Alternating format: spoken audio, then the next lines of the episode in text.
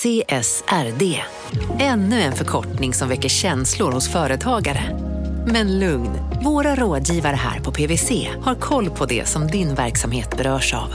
Från hållbarhetslösningar och nya regelverk till affärsutveckling och ansvarsfulla AI-strategier. Välkommen till PWC. Men John, de här fakturorna, har du koll på dem eller? Att ha alla fakturor i en enda röra.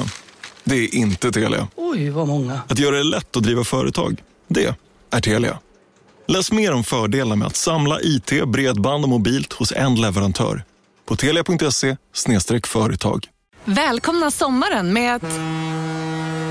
Res med Stena Line i sommar och gör det mesta av din semester. Ta bilen till Danmark, Tyskland, Lettland, Polen och resten av Europa. Se alla våra destinationer och boka nu på stenaline.se. Välkommen ombord!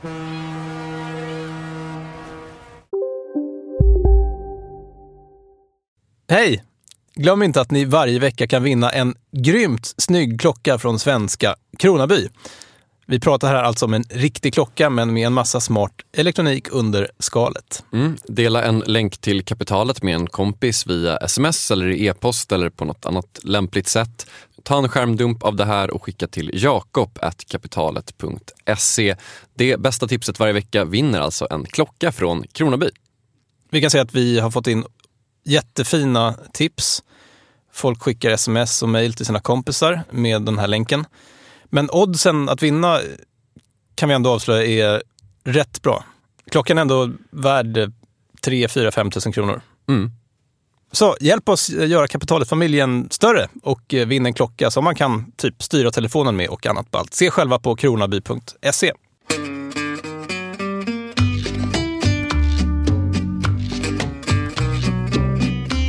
Okej, okay, jag tog med ett brev som vi då fick hemskickat från det lokala elnätsbolaget. Kan du Gunnar vara lite snäll och läsa rubriken här? Nytt pris, står det. Alltså, får jag tillbaka? Alltså, jag kan ju bäst beskriva det här som något slags reklamblad. Men det står inte “Nu har vi sänkt priset. Grattis alla kunder!” Det står “Nytt pris”.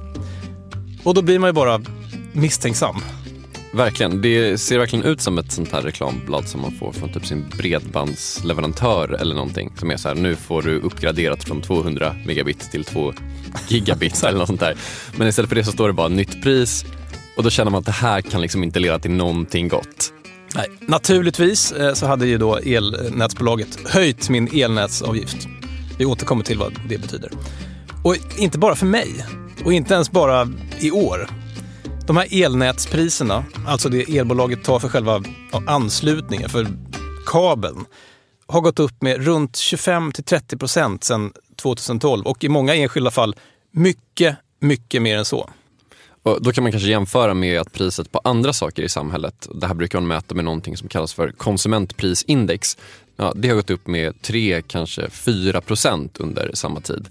Elnätspriser 25-30 procent, allt annat 3-4 procent. Så det är så stor skillnad. Mm. Det här kan man ju uppleva som frustrerande. Eh, dels eftersom det blir dyrare, vilket många tycker är tråkigt i sig. Men också för att jag som konsument inte kan göra någonting åt saken. För problemet är att elnätet är vad ekonomerna kallar för ett naturligt monopol. Det, det, är ju eh, en marknad där det är för dyrt för mer än ett företag att eh, producera det som behövs för marknadens efterfrågan. Arvid Fredenberg hörde vi här. Han är ekonom på Konkurrensverket. Och exakt vad han menar kommer vi komma tillbaka till lite senare.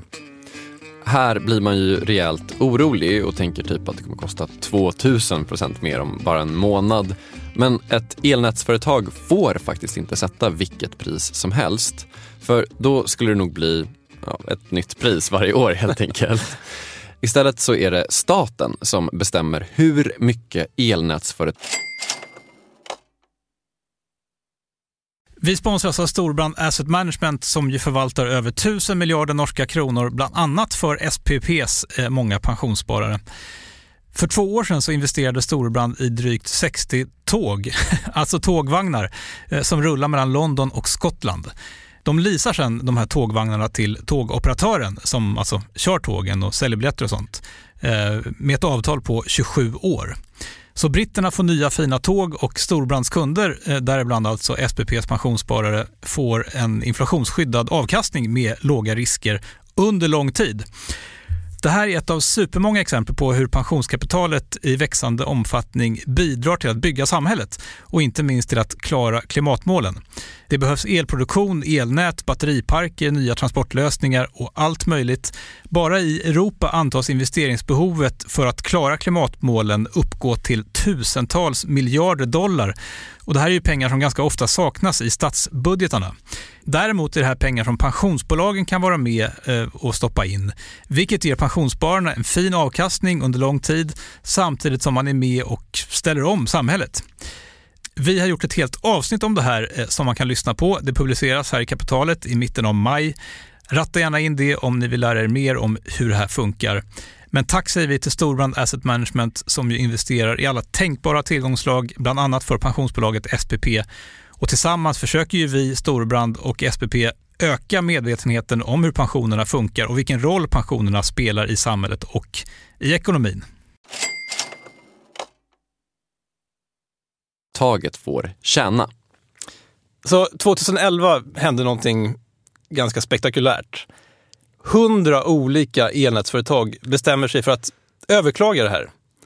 Det var hundra i princip identiska överklaganden i en enorm tvist med staten om hur mycket pengar de här bolagen skulle få tjäna. Man skulle bråka i över tre år. Man skulle bråka i förvaltningsrätten och kammarrätten och nästan allt kom att handla om en obskyr, på ytan nästan larvig siffra. En enda liten siffra dold bakom en intetsägande finansiell förkortning. Du lyssnar på Kapitalet med Jakob Bursell och Gunnar Harjus och idag berättar vi historien om VAC. Siffran som kostade svenskarna typ, beroende på hur man ser det, 40 miljarder.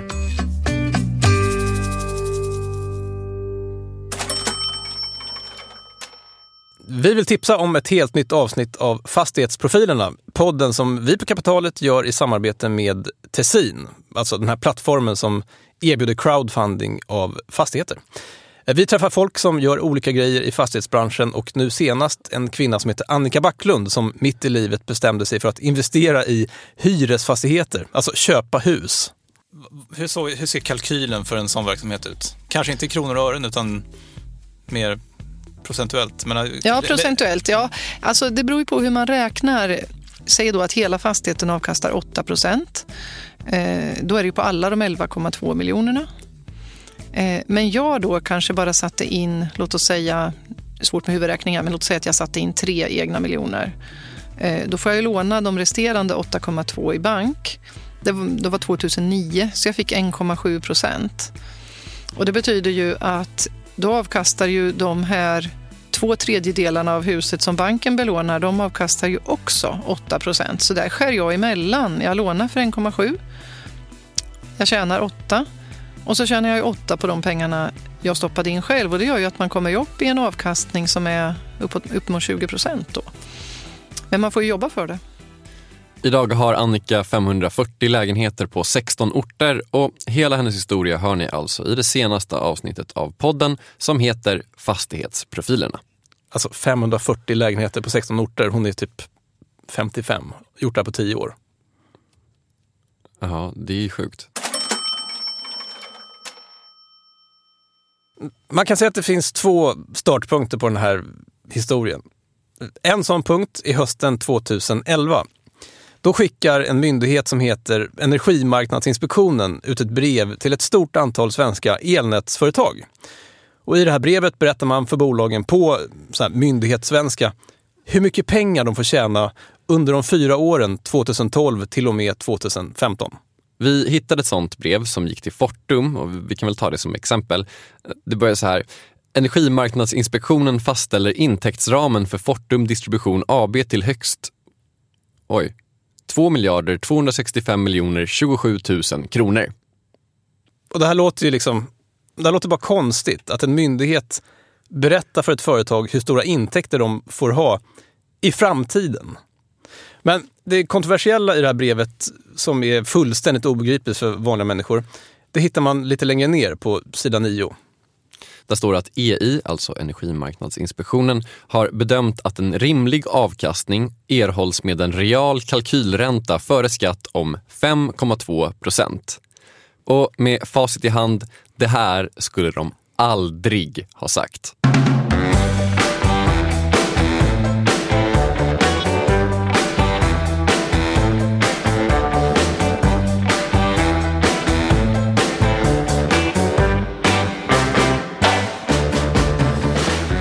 För här börjar 2010-talets stora elnätstariffsgräl som skulle pågå genom typ hela decenniet. Men, alltså det ligger ju i människans natur att kanske tillskriva sentida händelser lite extra stor vikt. Men, men låt oss inte lura oss själva.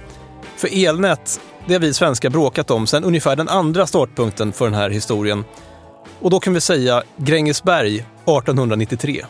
Ja, för vill man förstå varför 100 elbolag och svenska staten 2011 kunde gå i krig om något så jag menar, bara märkligt och osexigt som en real kalkylränta, då behöver man förstå det svenska elnätets historia och lite klassisk mikroekonomi.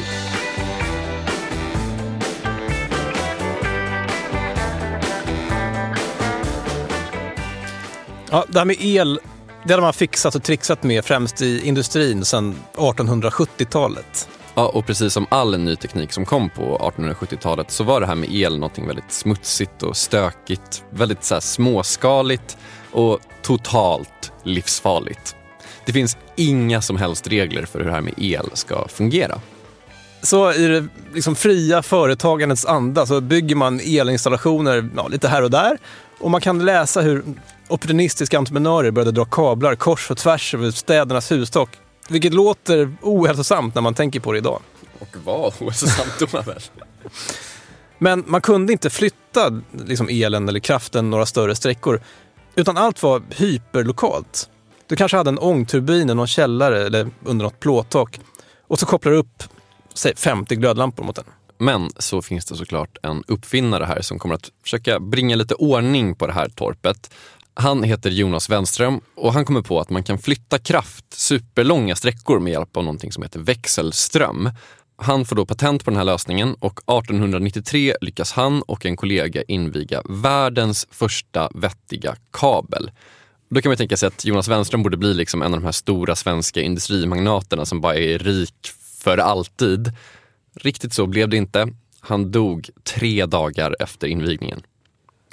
Jättetråkigt. Sen kan man liksom ge honom rättvisa och säga att det här blir början på ASEA som idag är ABB. Så att liksom, det blev ett långt och betydelsefullt eftermäle. Absolut, men han fick inte skörda frukten av det. Absolut inte. Inte i närheten. Stackarn. Men man kan liksom inte överdriva betydelsen av Jonas Wenströms innovation. För nu kunde man bygga ett stort kraftverk utanför stan, med typ ett vattenkraftverk och sen dra strömmen jättelångt in till städer och liksom stora regioner. Så det, liksom, det ändrade hela spelplanen. Men även om vi har mycket att tacka den här Jonas Wenström för så skapar han också en värld av problem.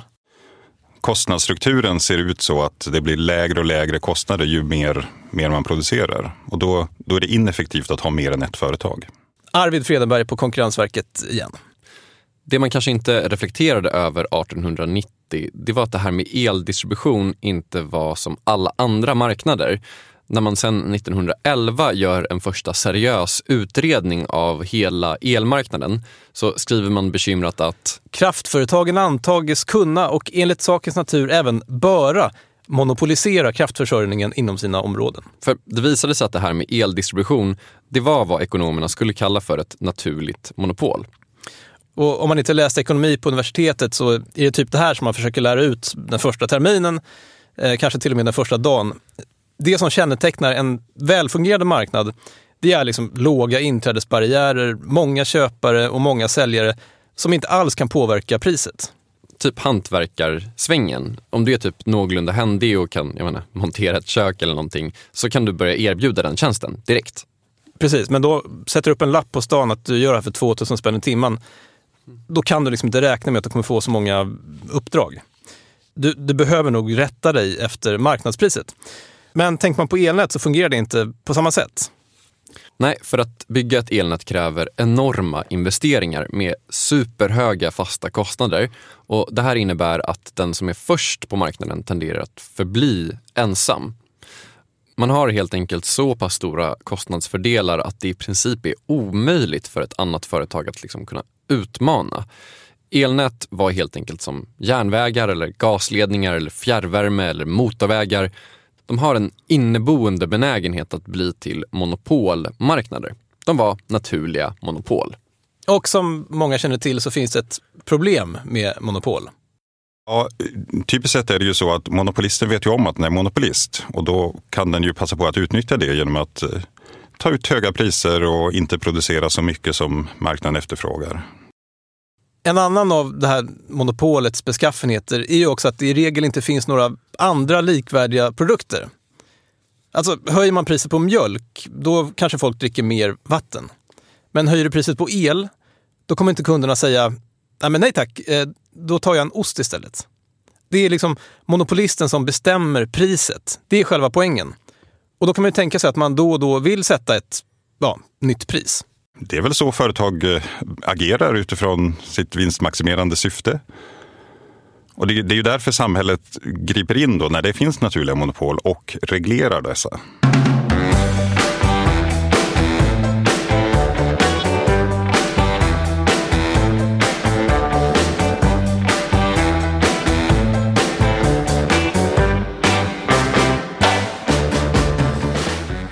Okej, vi ska rappa på lite och snabbspola genom 1900-talet. Ja, eftersom det var så otroligt dyrt att bygga elnät så fattade man ganska snart att vi kan inte bygga parallella nät. Alltså det måste bli monopol.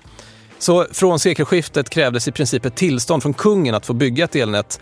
Och detta alltså för att staten skulle ha åtminstone en susning om vad som pågick ute i landet.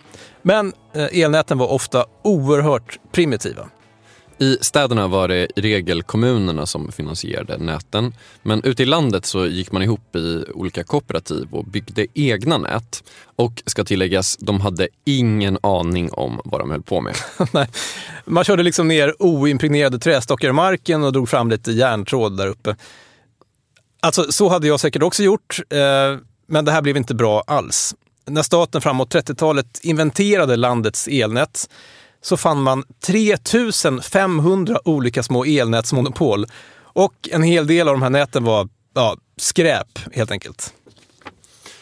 Och att de var just skräp var ju väldigt dumt, för det här är också en tid när det kommer jättemycket diskmaskiner och tvättmaskiner och elspisar och menar, dammsugare. Och behovet av el i samhället ökar våldsamt.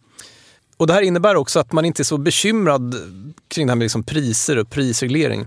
Man pratar faktiskt om det här i riksdagen 1902, 1911, 1920, ja ni hör, med typ tio års mellanrum. Och för dåtidens hushåll så är el redan svindyrt. Men samhällets prioritering är inte att bråka med de som bygger näten utan att bygga liksom fler och bättre nät. För man gillar el helt enkelt. Man vill liksom hellre uppmuntra att det byggs någonting överhuvudtaget än att se till att det gynnar konsumenten i det här skedet, liksom, eller? Ja, men för man förstår att det här är liksom samhällsnyttigt att det här kommer på plats. Ja då, då är det bättre att vi lider lite under, under tiden, men bara vi får liksom ett bra elnät på plats till slut. Och om nio år gör vi en ny elnätsinventering och ser vad som har hänt. Ungefär.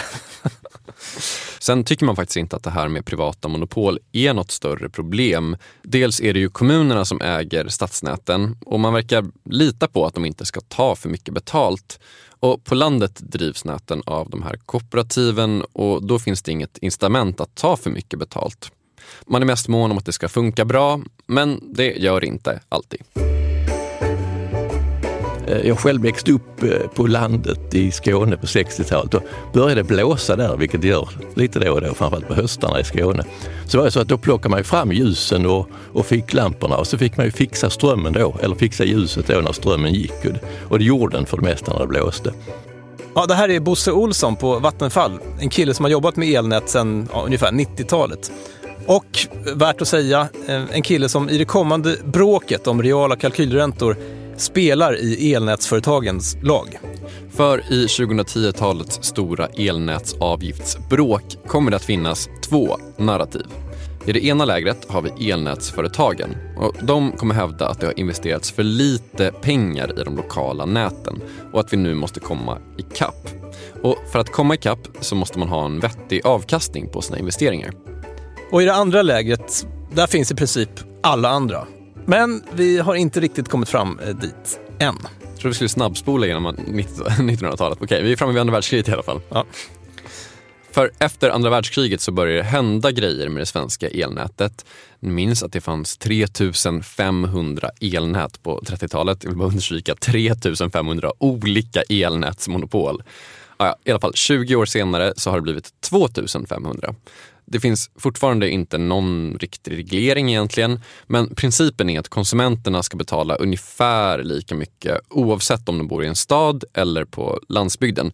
Och Det låter liksom supervettigt och rimligt och inte, bra för konsumenten. Men det här, är liksom, det här är en folkhemstanke. Exakt. Men faktum är att på lång sikt så vart det otroligt dåligt för dem på landet.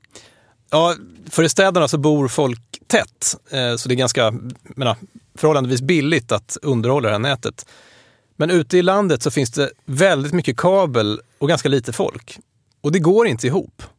Så från 1950 så började staten uppmana de här elnätsbolagen att gå ihop. Och det här blir början på en gigantisk strukturomvandling. Tittar vi på utvecklingen då till avregleringen från 1996 så, så slog man ihop de här till större enheter. Det var alltså för små enheter för att de skulle klara av att reinvestera här och sköta det på ett effektivt sätt. Så ett, eh, ett elnätbolag i veckan försvann från 1950 till 1996.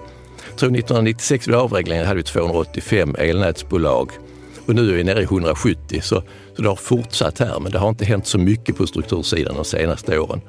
Eh, men eh, det, det är fortfarande en relativt fragmenterad bransch om man jämför med många andra länder. Vissa minns säkert det här, men det skedde en jättestor avreglering av hela elmarknaden kan man säga på 90-talet. Och innan den så fanns det bara 287 lokala elnätsföretag kvar. Så man hade alltså gått från 3500 elnät via 2500 till att det bara var 287 kvar och sen gjorde man en avreglering. Och här vore det faktiskt lämpligt att bara så här kortfattat reda ut hur det här med el fungerar. Sen den här avregleringen så ja, kan typ vem som helst sätta upp ett vindkraftverk eller ja, kraftverk och sälja ström till elnätet. Eh, så det är därför man som göteborgare kan bli uppringd av typ Skellefteå Kraft som försöker sälja på det ett nytt elavtal. Det blir liksom fri konkurrens eh, i produktionsledet. Men kollar man på elräkningen så finns det liksom en del till som du betalar, det som inte är till typ Skellefteå Kraft och det går till någonting som heter elnätsföretaget. Då. Det är de som liksom har dragit kabeln till ditt hus och nu får någon slags ersättning för det här. Och de har liksom monopol på området som du bor i. Den här uppdelningen var ganska ny. Från början så gjorde man inte någon egentlig åtskillnad på produktion och distribution. Man fick bara betala en klumpsumma. Liksom. Faktum är att man betalade inte ens för strömmen man förbrukade. Kapitalet sponsras av Master Exchange, plattformen där du som privatperson kan investera i låtar och får pengar varje gång de här låtarna spelas. Eh, vi berättade ju senast eh, om barnlåten Puff the Magic Dragon som noterades av Master Exchange under våren. Nu har utdelningen på den låten kommit, eller royaltyn som vi säger i musikbranschen. Eh, den ligger på drygt 12% i årstakt och det här är ju en avkastning som är helt okorrelerad till eh, börsen. Till och med Goldman Sachs har börjat skriva om just musik som investering eh, just ur det här perspektivet. Nu finns en möjlighet att investera i en ny låt. Eh, låten heter Boss Bitch och den är av Doja Cat som, alltså jag ska inte säga att jag är superdeep här, men det är ändå en, en person som jag vet om det är. En, en världskändis. Den här låten gav, baserat på förra årets spelningar, en avkastning på drygt 13% Master Exchange har just nu en väntelista på registreringar. Det, det, går lite för bra för dem kan man säga. Men skriver ni in kapitalet som promo code så kan ni runda kön och ansöka om andelar i låten Boss Bitch ändå. Man investerar helt vanliga pengar, det är inget krypto eller sånt där. Så vill du investera i musik och få en avkastning som är helt okorrelerad med börsen och kanske inte minst för att det är kul att äga låtar eh, så kan man gå in på masterexchange.com och använda kapitalet som promocode så går man alltså förbi kön. Kom ihåg dock att alla investeringar är förenade med risk, men vi säger stort, stort tack till Master Exchange. Kapitalet sponsras av Karla, Jakob. Ja, bilar igen. Ja, det är härligt. På Karla kan man sälja sin elbil eh, på det gissningsvis smidigaste sättet i Sverige.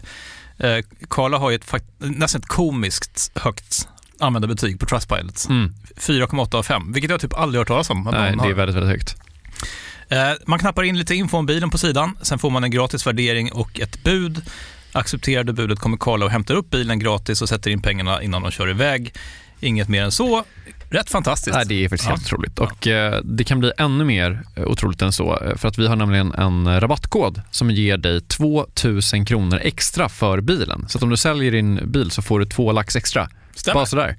Eh, koden är Monopol och eh, den uppger du när du har värderat bilen och pratat med Karlas inköpare. Koden är giltig till sista maj, så att passa på om du går i säljartankar. Jag undrar om vi haft en kod som har gett två lax bara sådär någon gång.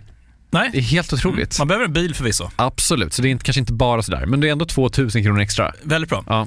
Så sälj din elbil eller laddhybrid till Karla. Du får 2000 kronor extra med rabattkoden Monopol. Eh, hoppa in och kolla på karla.se, Karla Museet. Där kan man också köpa bilar ska jag tillägga. Verkligen. Vi säger stort tack till Karla. Ganska tidigt då när marknaden växte fram så betalar man liksom per glödlampa som var uppkopplad. Eller per tvättmaskin eller per dammsugare. Kom det någon liksom från någon slags inspektion och bara gick igenom ens hus och kollade, ja men du har en tvättmaskin och 14 glödlampor. Ja, men ty, anta det. Nu har Pettersson köpt en till glödlampa, nu måste vi höja tariffen. ja, men nu eh, på 90-talet så tvingade man elbolagen att dela på produktion och distribution och stoppa distributionen i ett eget bolag. Och sen, efter typ 100 år, så skulle man äntligen hitta på en vettig reglering av de här monopolen. Men det är inte så lätt att reglera ett monopol. Man kan ju titta på kostnaderna och tänka att ja, men det är väl rimligt att, att monopolisten får ersättning för sina kostnader. Så priset ska vara lite högre än kostnaderna. Låter ju vettigt. Hyfsat vettigt, men inte oproblematiskt. Problemet med en sån reglering är att den är kostnadsdrivande. För vet monopolisten att den får ersättning för sina kostnader, ja men då har den ju inget incitament att sänka kostnaderna. Aj då. En annan typ av reglering är ju en prisreglering. Att regleringsmyndigheten sätter, sätter priset och sen får monopolisten anpassa sig till det. Den här låter ju bra. Den vill man ju ändå tro på. Det finns problem med det också eftersom det är inte säkert att regleringsmyndigheten vet vad som är det bästa priset. Och då får vi såna här diskussioner om att eh, regleringsmyndigheten har gjort felaktiga antaganden och monopolisten får inte ersättning för alla sina kostnader och, och får inte incitament att investera för framtiden. Okej, okay. Okej, om jag får försöka summera allt det här så kommer det på 1800-talet någonting som kallas för el.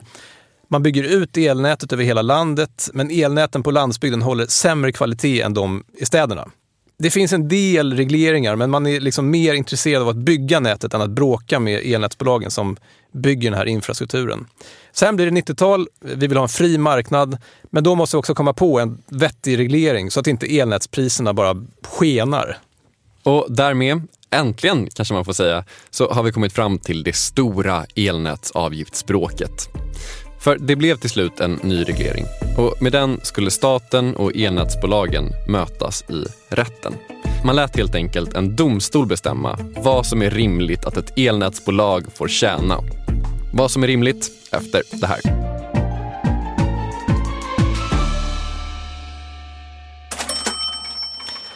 Kapitalet ska vi säga görs i samarbete med eh, SvD Börsplus som är en analystjänst för dig som gillar aktier eller som vill lära dig mer om aktier och vill göra bättre affärer. Yes, då kan man använda sig av den här tjänsten för Börsplus har nämligen en redaktion med analytiker och journalister som typ inte gör någonting annat än att hålla koll på börsen så att de kan hjälpa dig eller så att du slipper. Ja, så man kan ta rygg på de här analyserna, men man får också veta kanske vilka aktier man inte ska köpa, vilket är ja, kanske ännu viktigare. Ja, framförallt i sådana här tider. Ja. Eh, är man kund hos Nordnet så får man 15% rabatt på det här och är man dessutom private banking-kund hos Nordnet så får man 50% rabatt. Men då måste man mejla privatebanking.nordnet.se. Den här tjänsten hittar ni på börsplus.se.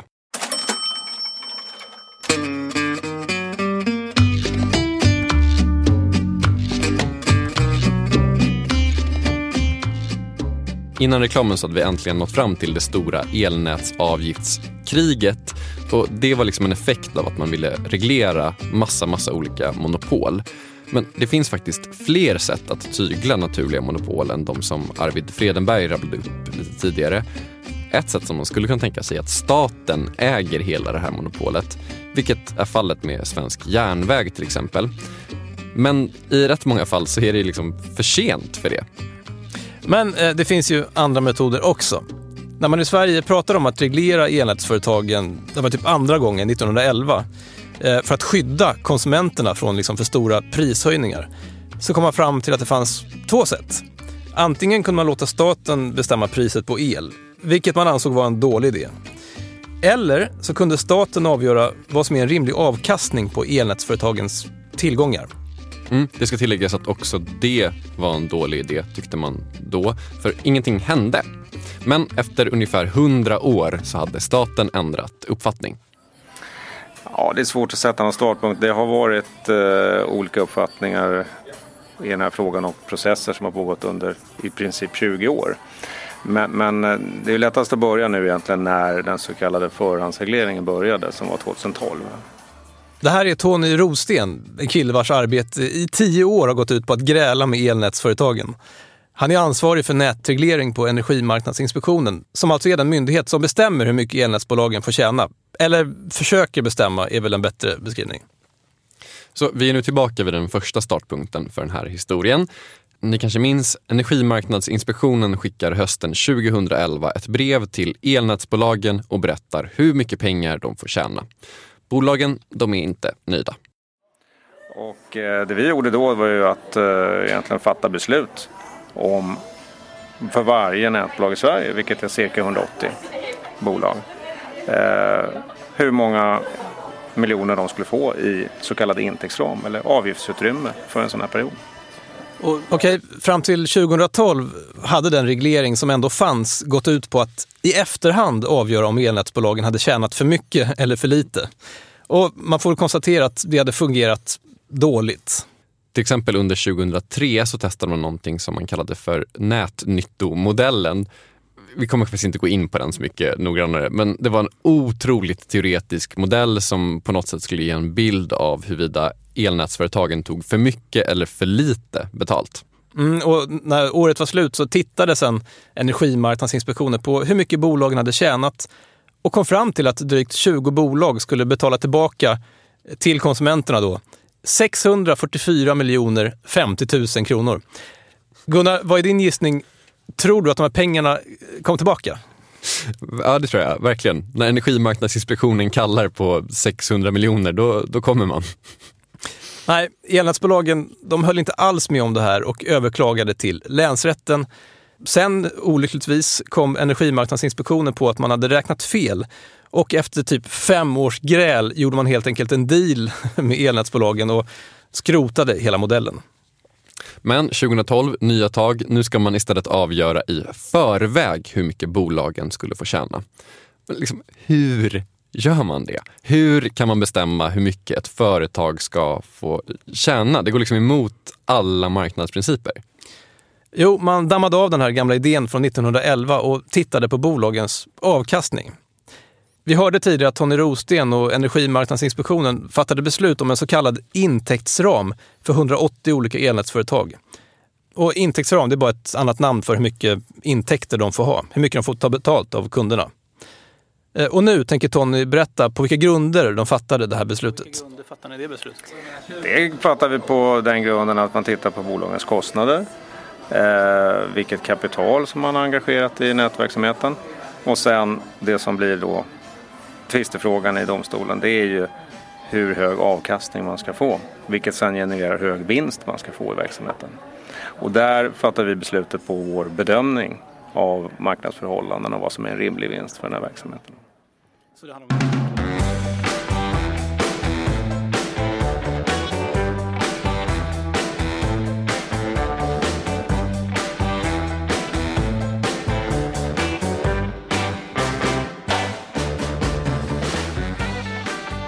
Och det här är egentligen mycket enklare än vad det låter. Eller kanske inte mycket lättare, men det, det, är, det är lite komplicerat. Men lite förenklat så kan man säga att det här beslutet består av två delar. Man tar helt enkelt ett elnätsföretag, typ Fortum, och så kollar man på vad de har för kostnader. Typ personal, administration, kundtjänst, sådana grejer. Och det kan man tycka att det är liksom rimligt att de här bolagen ska få ersättning för. Ja, så här långt är elnätsföretagen och Energimarknadsinspektionen helt överens kan man säga. Bolagen har kostnader, eh, de är ganska lätta att kartlägga och kostnaderna måste täckas av avgifter. Men annars går bolagen med förlust och det är omöjligt att driva företag. Men så finns det en del till och det är företagens kapitalkostnader. För om man tänker på det, utöver att ett företag har en massa kostnader varje år så har man också liksom spenderat massa pengar på själva elnätet. Och Det man gör för att räkna ut hur mycket pengar det här är, det är att man kollar på hur mycket skulle det kosta att bygga ett nytt, helt identiskt elnät. Och I Fortums fall då så var det typ 5 miljarder kronor. Det här är ju 5 miljarder kronor som har kommit någonstans ifrån. Antingen är det bolagets egna pengar, som alltså tillhör aktieägarna, eller så är det lån. Och oavsett vilket så kostar pengarna pengar. Alltså långivarna som har lånat ut pengarna, de vill ha ränta varje år. Och aktieägarna, de vill ha en vinst, alltså en utdelning. Det finns alltså en kostnad för kapitalet, en kapitalkostnad. Okej, det här är ju lite snårigt ändå, men vi försöker kämpa på. Energimarknadsinspektionen bedömer företagets kostnader och så bedömer man helt enkelt företagens kapitalkostnader. Det är de här två beloppen man slår ihop och då blir det liksom intäktsramen. Hur mycket företaget får tjäna. Och eftersom den här så kallade då kapitalkostnaden också ska täcka utdelningen till aktieägarna så kan man säga att i den så ligger också företagets vinst inbakad. Precis, så allt man måste göra är att ta reda på två saker. Företagens kostnader och företagens kapitalkostnader. Det här gjorde Energimarknadsinspektionen, det här gjorde alla elnätsföretag själva. Tror eller ej, man kom fram till två helt olika belopp. Ja, när alla de här beräkningarna hade gjorts så hade Energimarknadsinspektionen kommit fram till att elnätsbolagen, det var alltså 180 stycken, skulle få ha intäkter på 150 miljarder kronor. Men när elnätsföretagen gjorde samma beräkning så kom de av någon anledning fram till att deras intäkter borde vara högre. De borde vara runt 196 miljarder kronor. Och den här diffen på 46 miljarder kronor, det berodde på någonting som heter VAC. VAC står ju för Weighted Average Cost of Capital vilket innebär en eh, vägd kapitalkostnad, avkastning för företagets sysselsatta kapital. VAC har sitt absolut vanligaste tillämpningsområde som den, eh, det är ett avkastningskrav. Man diskonterar bedömda framtida kassaflöden i bolag vid företagsvärdering. Där används VACen regelmässigt. Okej, nu börjar det bli lite svettigt. Nu? Men det här är i alla fall Carl Grevberg, han är oberoende finansanalytiker och vi kontaktade honom för att kunna förstå hur två parter kan använda exakt samma beräkningsmodell och ändå komma fram till två helt olika resultat. Grejen är att elnätsbolagen och Energimarknadsinspektionen var egentligen mer eller mindre överens om alla grundläggande premisser. Hur man skulle skatta företagens kostnader och hur man skulle bedöma hur mycket de här elnäten var värda. Problemen var den andra delen av kalkylen, alltså kapitalkostnaden. Och även här var man faktiskt överens i princip. Vi lyckades ju komma fram till att den här kapitalkostnaden utgår från hur mycket kapital, alltså mycket pengar, som är investerade i elnätet. Och att de här pengarna kunde komma från både långivare och från aktieägare. Men för att räkna ut exakt hur stor kostnaden är så måste man veta en sak till. Man måste veta hur stor avkastning ägarna vill ha, eller rimligtvis kan förvänta sig. Och det låter ju supersnårigt, men till och med här så var elnätsbolagen och Energimarknadsinspektionen typ överens. Man skulle använda sig av VAC, för det är så man räknar i typ hela världen. Ja, eh, det beräknas på samma sätt av alla och det är faktiskt globalt. Jag skulle säga till och med att det är universellt. Så skulle vi träffa på en Marsfigur så skulle han nog också räkna vack, eh, fast på sitt sätt. Eh, det finns ingenstans där vack inte används. Det är helt och hållet globalt. Det här gör ju saken ännu mer rafflande egentligen, för här är parterna överens om det mesta, hur man beräknar kostnader, hur man beräknar storleken på kapitalbasen, till och med om vilken kalkyl som ska användas för att beräkna kapitalkostnaden. VAC då. Alltså jag vill bara understryka att om man förenklar så är de överens om typ allt. Alltså det finns ett pussel, alla bitar ligger på plats, förutom en enda liten bit som är liksom den här kalkylräntan som ska tillämpas på resten av kakan. Man liksom en kalkylränta från att lösa ett, vid det här laget, 120-årigt problem. Exakt. Och den här lilla pusselbiten som saknades, det handlade om hur man beräknar det här måttet VAC. Och tyvärr så visade det sig så fanns det en del utrymme för tolkning. Ja, eh, anledningen till det, det är ju att den här VACen den räknas fram av ett Eh, ganska stort antal olika parametrar. Eh, och utan att gå in på alla kan jag säga att det är väl ungefär sex eller sju parametrar som, som eh, man ska då försöka bestämma. Och det ger ett stort utrymme till tolkning. Det är subjektiv bedömning av vad respektive av de här sju parametrarna verkligen är. Och beroende då på vilken uppfattning man har, eh, vilka källor man använder, vilket urval man gör så får man olika värden på de ingående parametrarna och när man sen räknar ihop dem så kommer man till olika resultat. Vi ska nog inte gå in på hur VAC beräknas, men jag kan säga att VAC i sin tur beräknas med en annan formel som heter Capital Asset Pricing Model. Mm. Kommer vi gå in på den i detalj eller? Nej, men där måste man bland annat lista ut hur riskfylld en verksamhet är i förhållande till andra liknande verksamheter.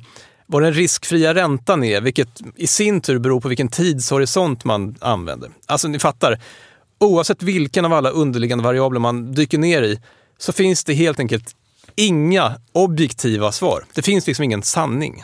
Så den här frågan utan objektiva svar förvandlas till en gigantisk dragkamp. De olika parterna kallar in advokater, akademiker, revisorer, finansieringsexperter. Alla får tycka till om vackräntans alla inneboende komponenter.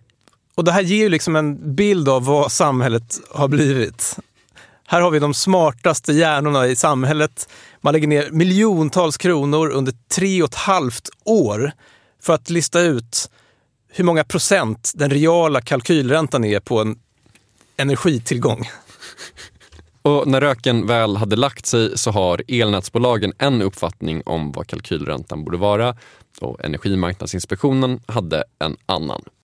Eh, första omgången var ju 5,2 procent. Och eh, bolagen ansåg att 6,5 procent var en rimlig kalkylränta. Och det var sen efter tre och ett halvt år i domstol och domstolen kom fram till var rimligt.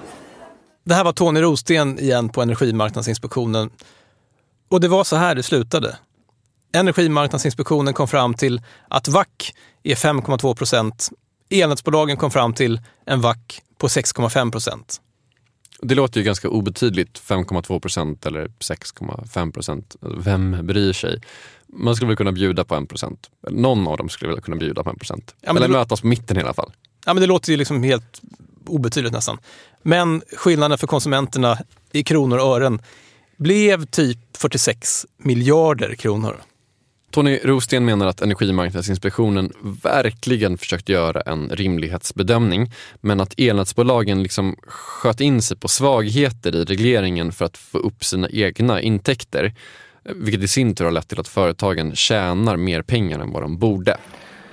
Eh, ja, det är ju klart att, att eh, med de här avkastningsnivåerna så får man ju i, enligt vår uppfattning en alldeles för hög vinst. En, en överavkastning helt enkelt.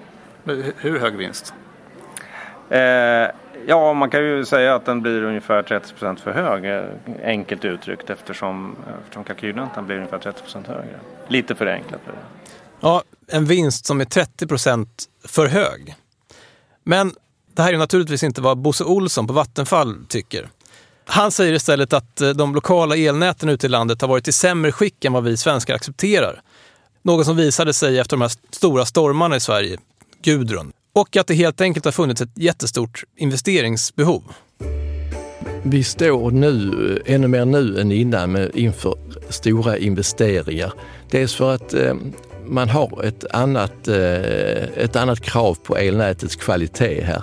Men till det kommer att vi ska gå in i en helt ny eh, energisituation utan eh, koldioxid och, och, och eh, och det, den kommer innebära att vi måste ha in mer solkraft, mer vindkraft i det hela. Och solkraften och vindkraften den kommer ju inte exakt där vi har de här eh, de kärnkraftverken vi har idag utan den kommer vara spridd över hela landet. Och vi måste eh, de måste anslutas till, till elnätet. Så vi har ett stort behov av, eh, av investeringar idag. Men Tony Rosten på Energimarknadsinspektionen, han köper inte riktigt det argumentet. Eller snarare, han vill ju också att det ska investeras i det svenska elnätet.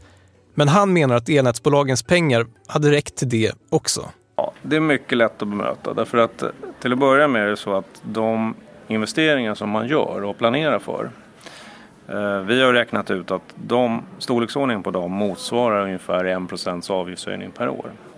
Och det är ganska långt ifrån de 6, 7, 8, 10 procent man ser.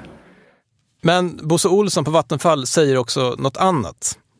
Han menar att så snart reglerande myndigheter träter med elnätsföretag om kalkylräntor så kommer man alltid ha olika uppfattningar. Det ligger liksom i sakens natur. Så det här handlar liksom inte om att objektivt leta efter någon slags sanning. Det handlar om att leta efter den sanning som tangerar sina egna intressen. Det är liksom inte en uträkning så mycket som det är en förhandling. Exakt. Det är en förhandling. Och i förhandlingar så får inte någon part egentligen som man vill från början. Förutom i det här fallet då domstolen alltså gick på elnätsbolagens linje helt och hållet. Lite udda, kanske. Det tycker i alla fall Tony Rosten. Och jag vet inte om du tänkte på en grej som Tony sa tidigare. Han sa att i första omgången blev det 5,2 procent. Hörde du det? Ja. Alltså hela den här tvisten som tog tre och ett halvt år att reda ut handlade om en regleringsperiod på fyra år, alltså 2012 till och med 2015. Ja, sen kom en ny period på fyra år. Kan du gissa vad som hände? Man kom totalt överens från första början och gav sig inte in i några som helst diskussioner eller förhandlingar. Energimarknadsinspektionen tyckte då att kalkylräntan borde vara 4,53 procent. Men elnätsbolagen tyckte att räntan borde vara 6,3 procent. Så 80 bolag överklagade beslutet igen. Eh, parterna hamnade i domstol igen och den här gången möttes man faktiskt ungefär i mitten. Ja, det här är ju väldigt eh, Kafkaeskt kan man eh, tänka sig. Från 2020 så blir det en ny tillsynsperiod, eh, men nu har staten fått nog, verkar det som. Så sent som i augusti meddelade regeringen att man nu ändrar lagen för att tvinga ner den här kalkylräntan. Så äntligen ska elbolagen tyglas. Ja, svårt att se att det här ska hända, men okej. Men enligt Tony Rosten så finns det elnätsbolag som inte alls gillar det här eh, och som tänker överklaga. Och jag frågade hur det kändes att ha liksom en karriär som kretsar kring det här bråket om elnätstariffer som aldrig tar slut. Ja, jag eh, har ju egentligen följt eh, det här ända sedan, sedan jag började på Energimarknadsinspektionen så det, det, är snart 11 år. Då. Eh, och eh, ja, vad ska man säga?